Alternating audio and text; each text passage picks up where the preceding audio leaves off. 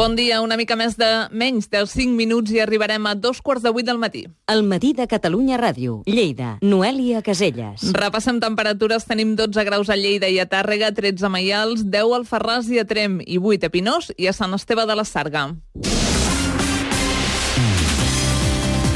Ho dèiem en titulars, un home mort a Uden, al Solsonès, quan el seu tot terreny li ha caigut a sobre. Els fets han passat a la finca de la víctima.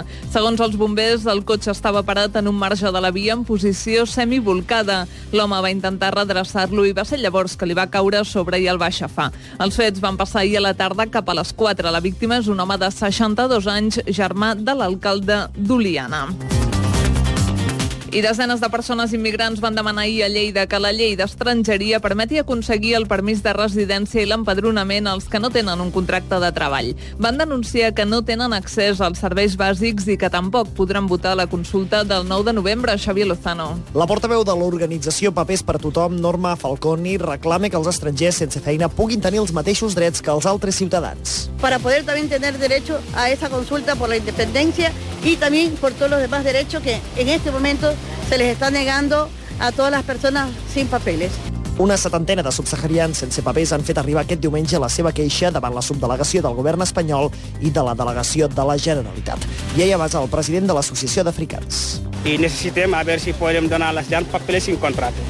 Estamos en esta jornada y no pedimos dinero ni res, sino papeles sin contrato. Una de les preocupacions del col·lectiu és l'accés a la sanitat pública. Un miler de persones van assajar ahir a les Borges Blanques de les Garrigues la B baixa que l'11 de setembre es farà a Barcelona en defensa del dret a decidir. La concentració es va fer entre el Parc del Terrall i el pavelló de l'Oli amb la presència de la presidenta de l'Assemblea Nacional Catalana, Carme Forcadell. Va anunciar que l'ANC donarà suport a qualsevol proposta del Parlament de Catalunya en cas que no s'acabi fent la consulta. I l'única opció que ara treballem és la consulta però si la consulta no fos possible, nosaltres donaríem suport a qualsevol proposta que es fes des del Parlament de Catalunya de, si fos de manera absolutament democràtica i pacífica. Canviem de tema. L'alcalde de Lleida, Àngel Ros, presenta avui, juntament amb altres alcaldes d'arreu de l'Estat, un recurs d'inconstitucionalitat contra la llei de racionalització i sostenibilitat de l'administració local que impulsa el govern espanyol. Segons Ros, aquesta llei limita l'accés als ciutadans als serveis municipals, com ara l'educació. És un recurs basat en que atenta directament a l'autonomia local, a les nostres capacitats de prestar serveis als ciutadans, en àmbits tan importants com l'educació, com l'atenció social, com la promoció econòmica o l'ocupació. Més coses, el telefèric de la Vallfosca ha estrenat temporada aquest cap de setmana amb uns 300 viatgers i més freqüència de viatges.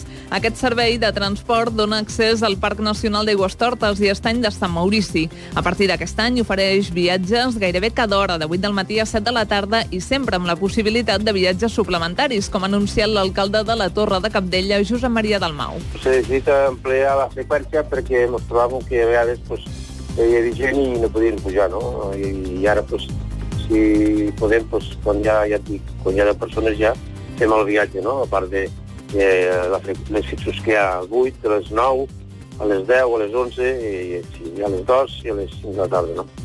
I us expliquen també que una cinquantena de persones van participar ahir a les festes del Segar i el Batre de la Foliola, a la comarca de l'Urgell. Enguany arriben a la 35a edició. Ahir els segadors van anar a l'era a fer la tradicional cega amb dalla, la missa de campanya, l'esmorzar al camp i les diferents exhibicions de mecanismes antics. El 13 de juliol es farà la festa del Batre.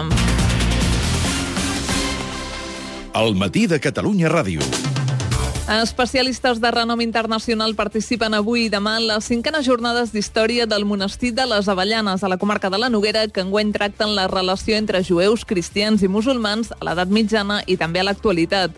Robert Porta és arxiver i guia del monestir. Convidem a set especialistes de la matèria, n'hi ha d'aquí, n'hi ha d'internacionals, que ens aniran parlant de manera interdisciplinar sobre el tema, que el toquen des del punt de vista teològic, des del punt de vista històric, arqueològic, artístic, les jornades inclouen també un sopar medieval per al qual s'han recuperat receptes gairebé perdudes i participen avui unes 150 persones.